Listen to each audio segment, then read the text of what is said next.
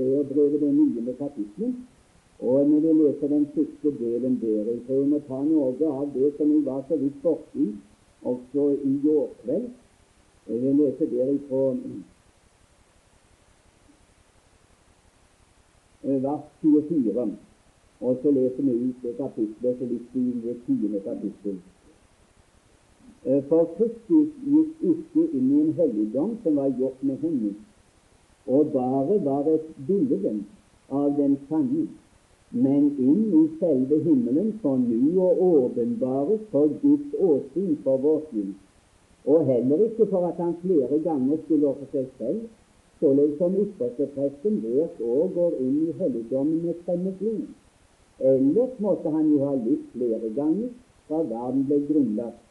Men nå er han åpenbaret en gang ved tidenes ende for å bortta synden ved sitt offer og likesom det er menneskenes lodd en gang å dø, og deretter dom. Således skal også Kristus, etter å være ofret én gang for å bortta manges synder, annen gang åpenbare seg uten synd til frelsen for den som venter på ham. Og Så leser vi også litt lenger uten. Vi leser fra vers 11 og utover i det tiende kapittel. Og der prest står daglig oss tjeneste og bærer mange ganger frem det samme offer som det syndig. Men han har frembåret et offer for syndig, og har deretter for alltid satt seg ved Guds høyre hånd. Og nå venter han bare på at hans fiender skal legges til skamme for hans fødsel. For med ett offer har han for alltid gjort den fullkomne og som blir helliggjort. Men det vitner også Den hellige ånd for oss. For etter at han har sagt dette er den pakt jeg vil opprette med dem etter hine dager, sier Herren. Jeg vil gi mine lover i deres hjerte, og jeg vil skrive dem i deres sinn. Og deres synder og deres overtredelser vil jo ikke mer komme inn. Men hvor det er forlatelse for dem, der trenges ikke nøden noe offer for synd. Med et veldig rikt ord i det som er rører ved i seg. Og det som du legger merke til, når vi leser her i vers 26 eh, Vi skal gjenta det. Men nå han, er han åpenbart én gang ved tidenes enden for å bortta synden ved sitt offer. I denne åpenbarelsen eh, ligger nå ca. 2000 år tilbake i tiden, det som han her nevner. Eh, den ligger 2000 år tilbake i tiden. Og da var han synlig i denne verden. For Johannes sier jo slik i brevet sitt det som var fra begynnelsen, det som vi har sett, det som vi har hørt, det som vi skuet og våre hender følte på om livet til. Og livet ble åpenbart, og vi har sett det og forkynner over livet det evige som var hos Faderen, Jesus Kristus, den rettferdige. Og Han som er åpenbart for oss. Slik forkynner Johannes det det som hadde sett og hørt. Han var synlig, åpenbart synlig her i verden. Og da står her i dette verset at da tok han synden bort ved sitt offer. Og det var Guds sjel. Jeg har lyst til å prøve å understreke det. Det var Guds Og så uttok og innsikta, eller sette han inn i eh, dette mm, som offerlam når han skulle en sone for synden. Det var Gud selv eh, som satte han inn i det. Derfor står det også slik i Jesaja 53 profetiene. Nå må ikke glemme det. Og der står det slik Herren lot våres alles misgjerninger ramme ham. Er det ikke det som jeg har prøvd å sitere også disse kveldene? Og et ord, ditt ord, kan alle ta igjen for ofte. Jeg ønsker det når jeg står for å si Guds ord, at jeg kunne få gjenta det så ofte at det ble liggende noe igjen av sjøl Guds ord inni vår bevissthet. Og da står det slik i 2. Korinter 5, sier en, for han som ikke visste av ting, gjorde Gud til synd for oss, for at vi i ham skulle bli rettferdig for Gud. Det er derfor Gud kan også si slik i Johannes 1, 29. Eh, når Johannes står der og peker på Jesus, eh, så sier han så det ditt navn som bærer verdens synd. Han tok synden bort, står det. Han tok synden bort som årsak til fordømmelsen. Og som vår for eh, så herliggjorde han også Gud og ga full oppreisning han tilfredsstille alle rettferdighetens krav og alle rettferdighetens fordringer. Det tilfredsstilte han. Og så led han den straffe døden eh, som Guds ord taler om, eh, som var lønnen eh, for synden. Syndens lønn, som var døden. Det led han. Derfor kan Gud nå, sier Romerbrevet 3, derfor kan Gud nå være rettferdig når Han gjør en rettferdig som har troen på Jesus. Så kan Gud være rettferdig. Du, det er ingen makt, det er ingen myndighet uh, kan, som kan tugge på Gud og si han er urettferdig når han rettferdiggjør en som tror på Jesus.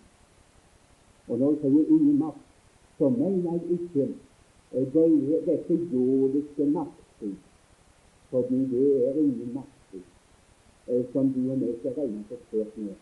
Men de makter som jeg da regner med, eh, det er den ondskapens åndevær som er i himmelrommet, og også fyrsten over den åndeværen som er djevelen. Så det er ingen av de makter som kan pugge på Gud og sier han er urettferdig når han rettferdiggjør den som tror på Jesus. Det er det som han sier han beviser. Han viser sin rettferdighet når han stilte Jesus Kristus til side i hans blod som en nådestol troen, for å vise sin rettferdighet i den tid som nå er, så han kunne være rettferdig og gjøre den rettferdig som har troen på Jesus. Uten den framstillingen kunne Gud ikke være rettferdig. Gud hadde ingen mandagsfyll heller sjøl å erklære et menneske rettferdig hvis ikke det skjedde som skjedde i Kristus. Så måtte nemlig det til som Gud hadde sagt før fallet. For Gud hadde sagt 'den som synder, skal dø'. Og du forstår at djevelen han fulgte godt med det som Gud hadde sagt. Og han visste følgen for det som var synd, var døden. Nå hadde han klart å forføre mennesket. Nå sto Gud i et hinsel. Men hvis ikke Gud hadde denne veien som han hadde å gå, så hadde Gud vært urettferdig hvis han på og rettferdiggjort en syndig. Og Derfor så viser han sin rettferdighet når han lar Kristus dø på Golgata kors eh, som en nådestol i han ble troen. For å vise at han var rettferdig når han hadde vært øven med syndene som forrige. Og også for å vise seg rettferdig i en tid som nå er, så han kunne være rettferdig og gjøre den rettferdig som har troen på Jesus. Jeg har så lyst til å, å, å betone en ting. Det er at soningsdøren, det som skjedde på Golgata, det gjaldt alle mennesker. Det har lyst til å betone For vi er nemlig kommet inn i en tid, og det sværeste ser at det er mennesker i denne verden, iblant våre lærde også, så hevder en ganske annen ting. De hevder ikke at dette gjelder alle, men vet du hva de sier? Det gjelder de som er utvalgt. Soningsføren gjelder de som er utvalgt, og det gjelder ikke alle mennesker.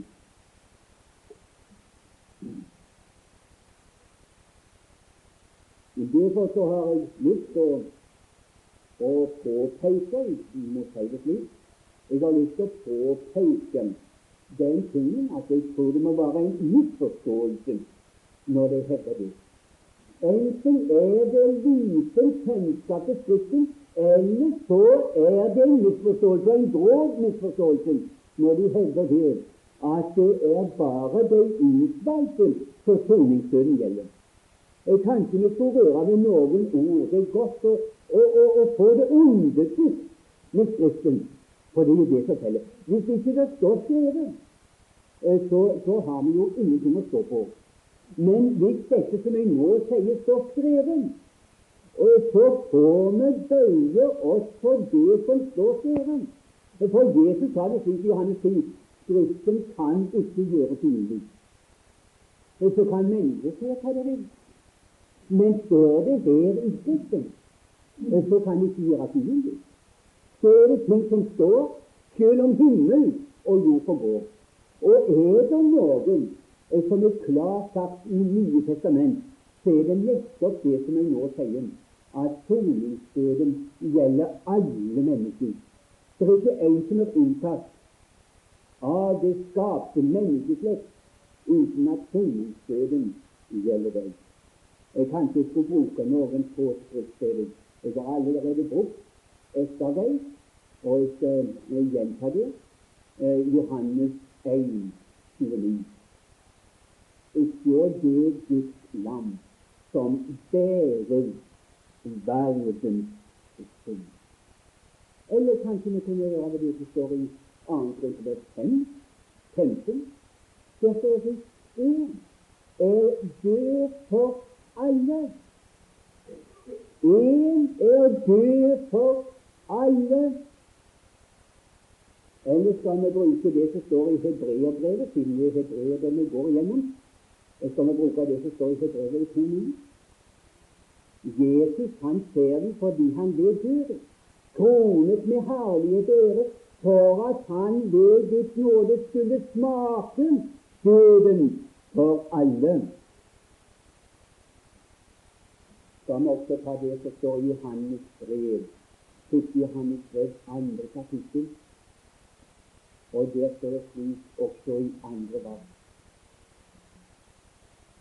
Han er en soning for våre synder. Ja, men, men det er de troende. Det er bare det som utvalgt. Ja, men det er ikke ferdig med ordet heller. For den måten kan si han er en soning for våre synder. Så ikke bare for året, men for hele verden. Du kan da sies klarere. Nå kunne vi holde på å traffe mange, mange Guds ord, men dette skulle være nok for å overbevise hver en at soningsdøden gjelder alle mennesker, enten det er utvalgte mennesker, de som har tatt imot det, eller de som ikke har tatt imot det. Så gjelder soningsdøden gjelder alle.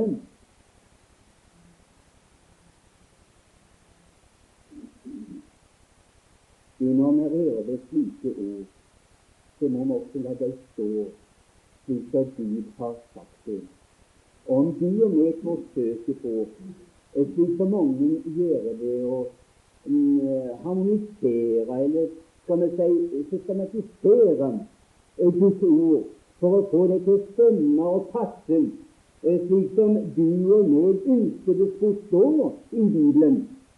Hvis vi gjør det på den måten, kan jeg bare si at det vil medføre at vi dårer oss sjøl, sier Skriften.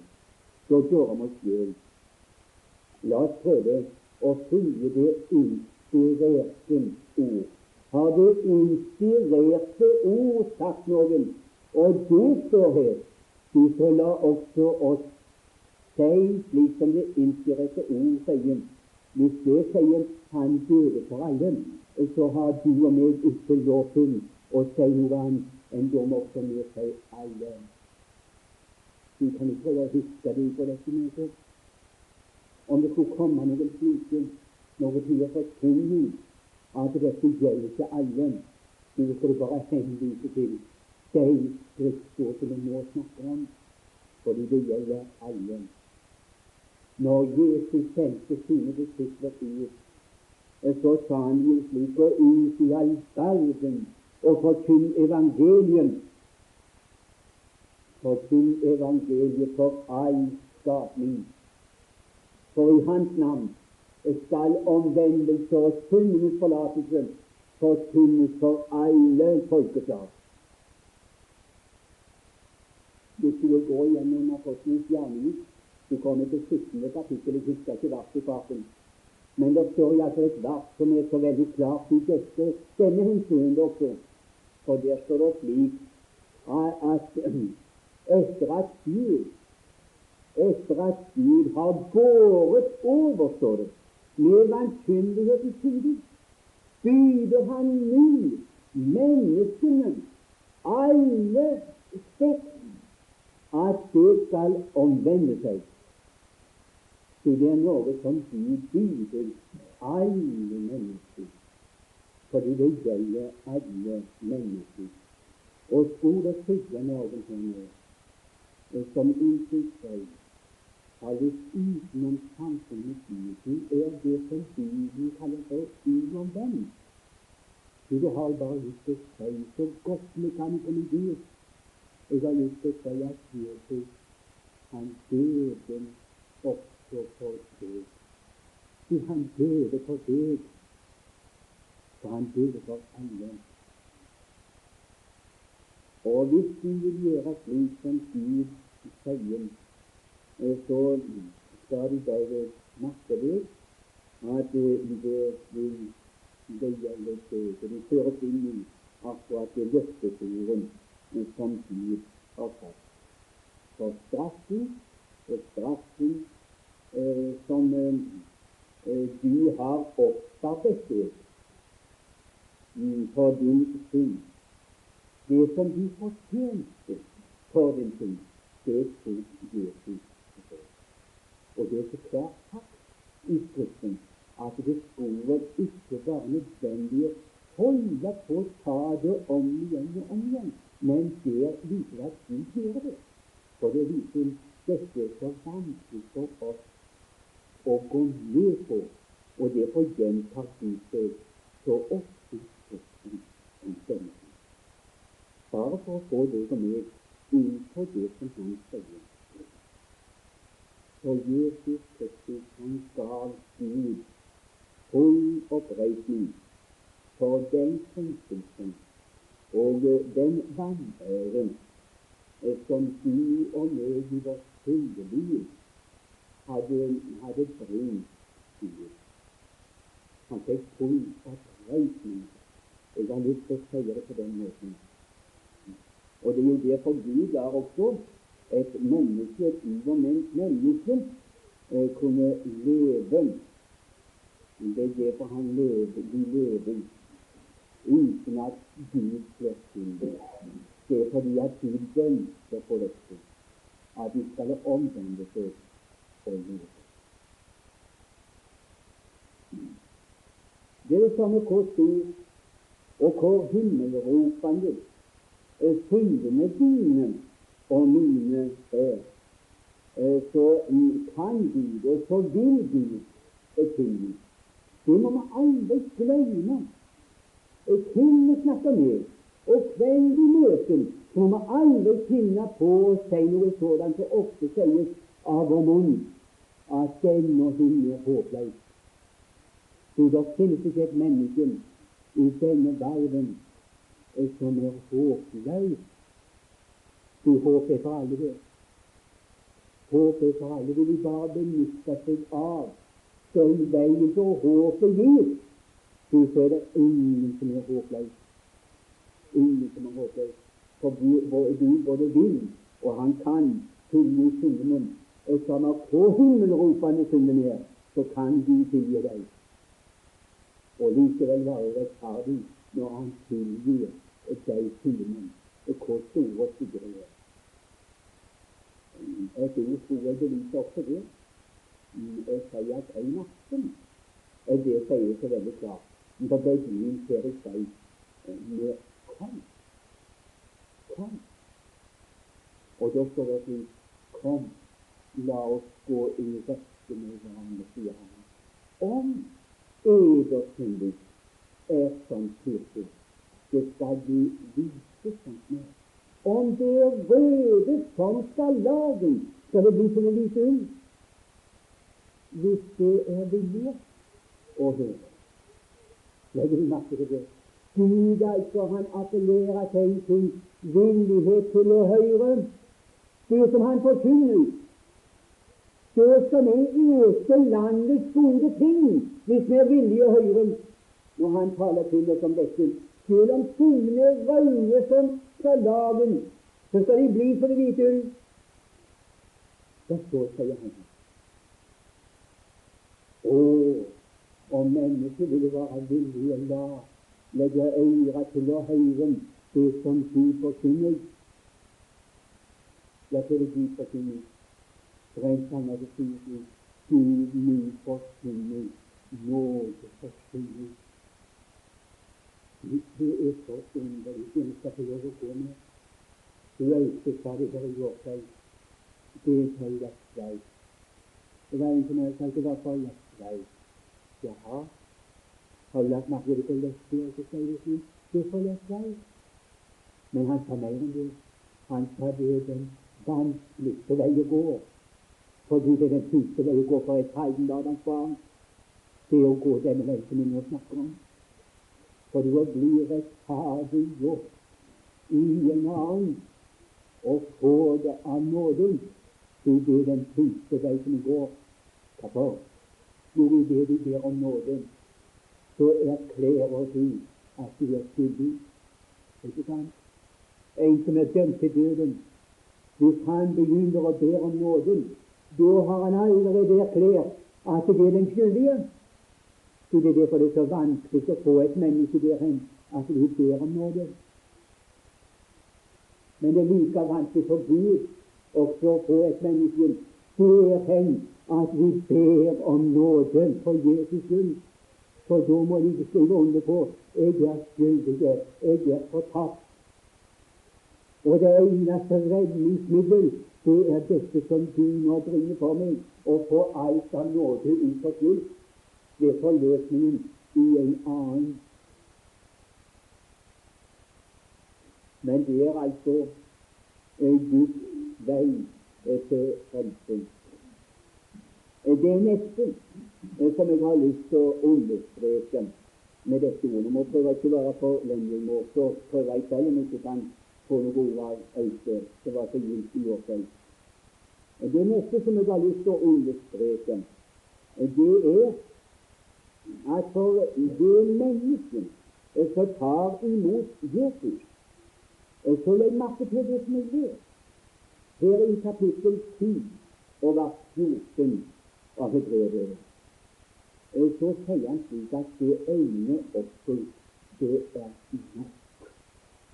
Det ene offer er nok.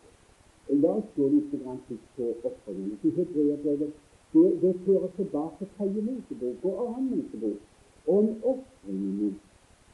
Det som foregikk med prestetjenesten i tabernaklet, Det er det som det er i med. Og jeg har lest noen Mosebøker, men jeg har lest den ene med hebreerbrevet. Hebreerbrevet er det brevet jeg har lest mest i mitt liv. Fordi at det forteller meg noe om eh, den tjenesten som den store ytterste prest har gjort, og som han gjør og dere har det blitt med til dyrebart. Når Aron som ypperste prest, når han bar fram syndeofferet Dette det er veldig lærerikt. Når han bar fram syndofferet, da oppnådde han bare um, Han oppnådde ikke kun uh, syndenes forlatelse. Nei, nei. Eh, for da oppnådde han bare en midlertidig en midlertidig syndenes forlatelse og forsoning var det han oppnådde.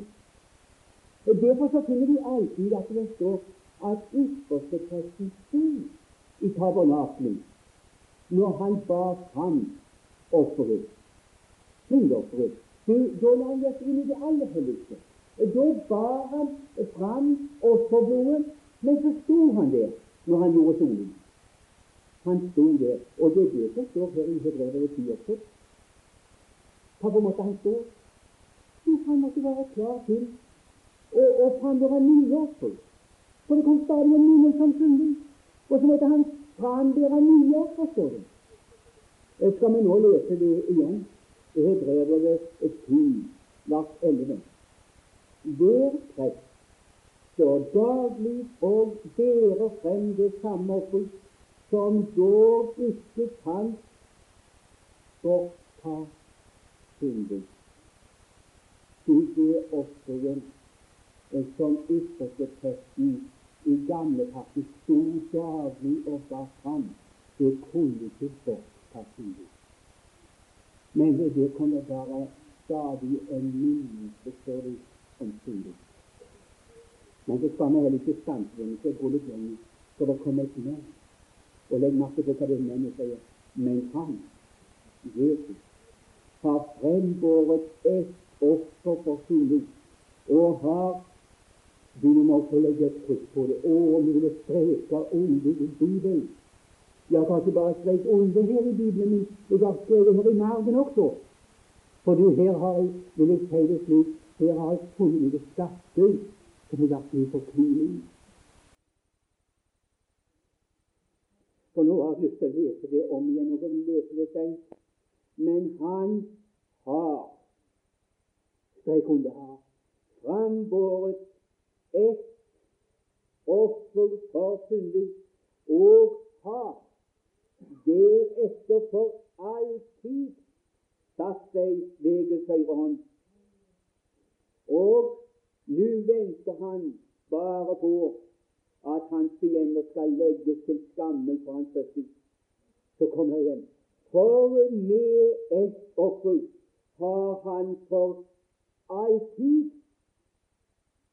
gjort dem Nå kommer det et ord.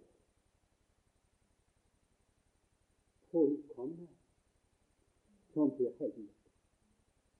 Gud forteller et veldig budskap at den som la sin hellige ved det blod som rant på Golgata kors, det er fullkomment. Så sitter vi her med alle som har latt oss rense ved det blod som rant på Golgata kors. Så sitter vi her som fullkomne mennesker. Vi er noe mer. Fullkomne mennesker. Ikke i sjøl, men i Frelserens ånd.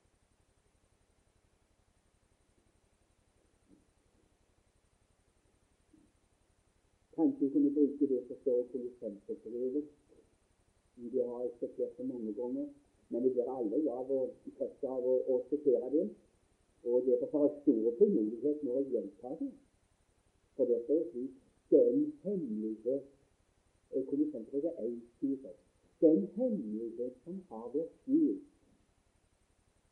Jeg vil ikke håpe at denne hemmelighet er skjult for noen av oss som sitter her nå den hemmelighet som har vært skjult fra alle tider og slekters opphav, men som nå er blitt åpenbart for Hans hellige. For hvem vil det tilgjøre hvor rik på herlighet den hemmelighet er blant hedningene. Det er Kristus det håp om herlighet. Og han forkynner vi. Det forkynner ikke selv, men han forkynner vi i det vi formaner hvert menneske og lærer hvert menneske med all visdom for å fremstille hvert menneske fullkomment i Kristus. forstår meg egentlig hva det er til å være frelst? Forstår meg egentlig hva det er Gud har gjort i Kristus Jesus? Du, tar på lovsynet til meg I stedet for å forstå det, så fatter det og hviler i det?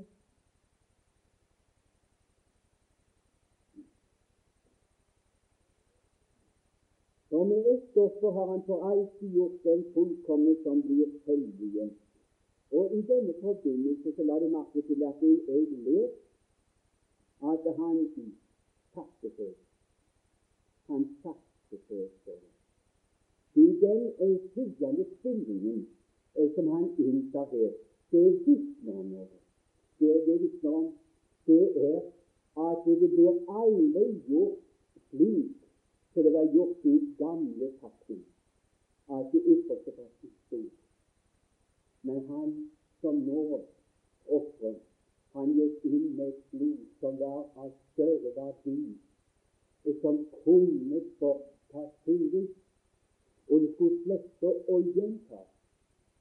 Og når han gikk inn i helligdommen, da gikk han inn, og så satte han seg. Han var ferdig nå er offeret fri. Nå skal ikke få gjenta. Nå er dette ferdig. Og det flere ser, det er at Gud, han sier noe. Gud, han ser på sin sønns verk. Så ser Gud på det, så sier han noe. Har du lagt merke til hva han sier i Hebrevet?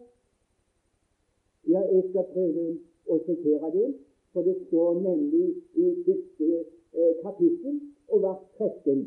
Og der står det slik når han sa Sett deg ved min høyre hånd til jeg får lagt dine fiender til skamme for dine føtter. Sett deg ved min høyre hånd. Hva svarer sønnen på det når Faderen sier må du sette deg her, for nå er verket gjort, det godtar dette, nå kan du sette deg og hvilen, for nå er det ferdig. Nå er det fullbrakt. Nå har vi endelig fått rost i land dette fryktelige som han ikke er, dette fallet. Nå har vi fått hele det. Nå bør ikke et menneske gå fortapt. For nå er frelsen ferdig. Nå kan du bare sette deg ned. Hva svarer sønnen? Ja, da får du gå til det andre kapittel og vers 13. Og da står det slik Da sier han når han satte seg Se her er jeg og det barn som vi har med. Det er ikke svært når han satte seg på Faderens eh, utsagn, eh, så satte han seg, og så sa han ja, det er Og det var blant meg. Så er vi her. Du også seie det liv og så kunne han hvile. Så kunne han hvile, og så kunne du hvile. For forsoningsverket, forløsningsverket, nå var det ferdig. Men det vil ikke si at Gud hviler i alle ting. Nei, nei, men han hviler. Han kommer aldri til å gjøre noe mer for forløsningen på denne jorden. Alt er ferdig. For nå sier han det slik Du la merke til jeg leste For hvor det er forlatelse, trenges ikke mer noe offer for synd. For du offeret, det er fri. Det er ferdig, det.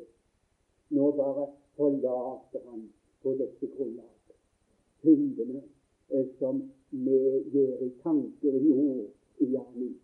Det forlater han på dette grunnlag. Det er veldige ting. Men jeg sa han sitter ikke rolig. Nei. Men når det gjelder forsoningsverket, sitter han ganske rolig. Og han rører ikke den ting mer når det gjelder det. Men du, han arbeider veldig. Og Jesus sa det slik Min Fader arbeider inntil nå, også jeg arbeider. Hva arbeider jeg på? Å få menneskene til å sette seg og hvile. Å, hvordan Gud arbeider for å få deg og meg til å sette oss og hvile. Og er det noe du og vi kan gjøre Gud med, så er det hvis vi kan sette oss ned. Liksom når, når, når Jesus sier dere er jeg og det barn som har gitt meg, så skal du og meg sette oss og hvile oss på det verket. Og i det du hviler, så ærer du Gud. Og så er det også styrken i ditt liv. For i hvilen og tillit, der skal eders styrke være. Og når du og meg er så veldig svak i vårt kristne liv, så er det fordi vi mater oss ut med å holde på og skal lappe på noe av det gamle og ikke. Du og vi skal bare sette oss ned og hvile, for alt til din min frelse, det er gjort det. Det er gjort til Jesus Kristus. Men du skal faktisk gjøre noe. Men det skal du gjøre fordi du er frelst. Du skal få være med og bringe andre dette glade budskap, sa Jesus. Du må ut og fortelle dette til andre. At andre får komme til og hvile. Du har ikke lov å ha det for deg sjøl, for det var nok å trøste sliktende mennesker hvis du kan få inn til å selge deg selv å hvile. Det er oppgaven din og min.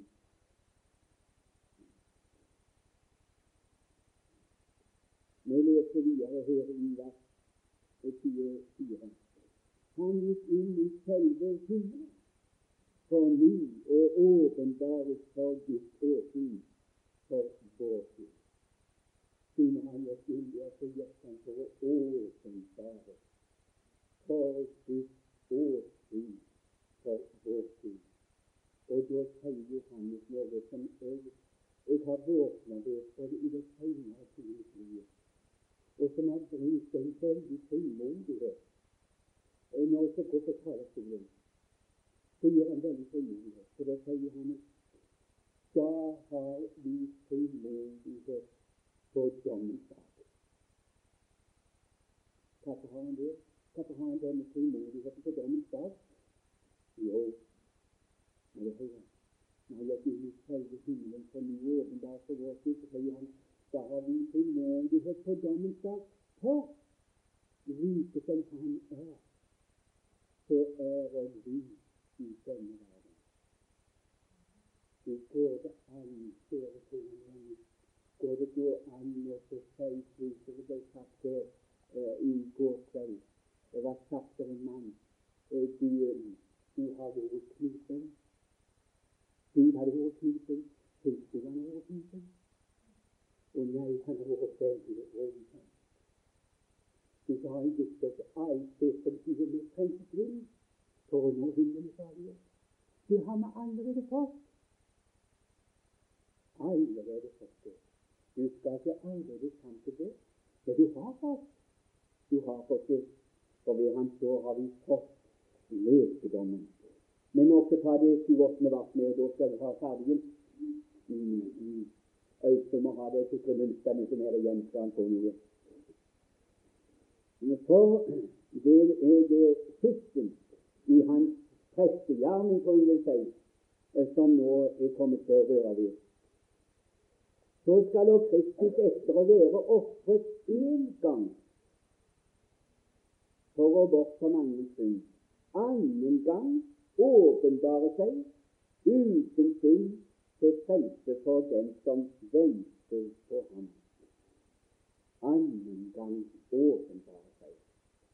Men da skal han ikke åpenbare seg når det er uten synd. Kanskje du synes det er litt rart når det står uten synd. Det vil si det samme som han åpenbares ikke mer som en der skal bære verdens synd. Nei, nei. Men da åpenbares han for å fri dette mennesket som har tatt imot dette, denne hans frelse, eh, skal han utfri deg av den nærværende vonde verden, og så skal han ruste deg og frelse deg inn i sitt himmelske rike. Du til den dagen rystes med, sier han i stigen, opp til luften for å møte Herren når han åpenbares eh, annen gang til frelsen for den som venter på ham. Du, det er godt å være frelst. Det er godt å ha på hvilen i dette frelsens budskap. Og det er godt å vente på Jesu komme. Det er godt å vente på det. Og salig er den som har eh, funnet denne hvileplassen ved Jesu hjerte. Salig den. Og salig den som er ferdig når Jesus kommer. Da bærer han tatt med i timen opp i luften, og så møter vi Herren. Så skal vi alltid være med Herren. Dette skal være trøstens ord de vi skal ha for vår vandring til dette som er alt ferdig for oss. Alt er sikkert oss er der i Herren.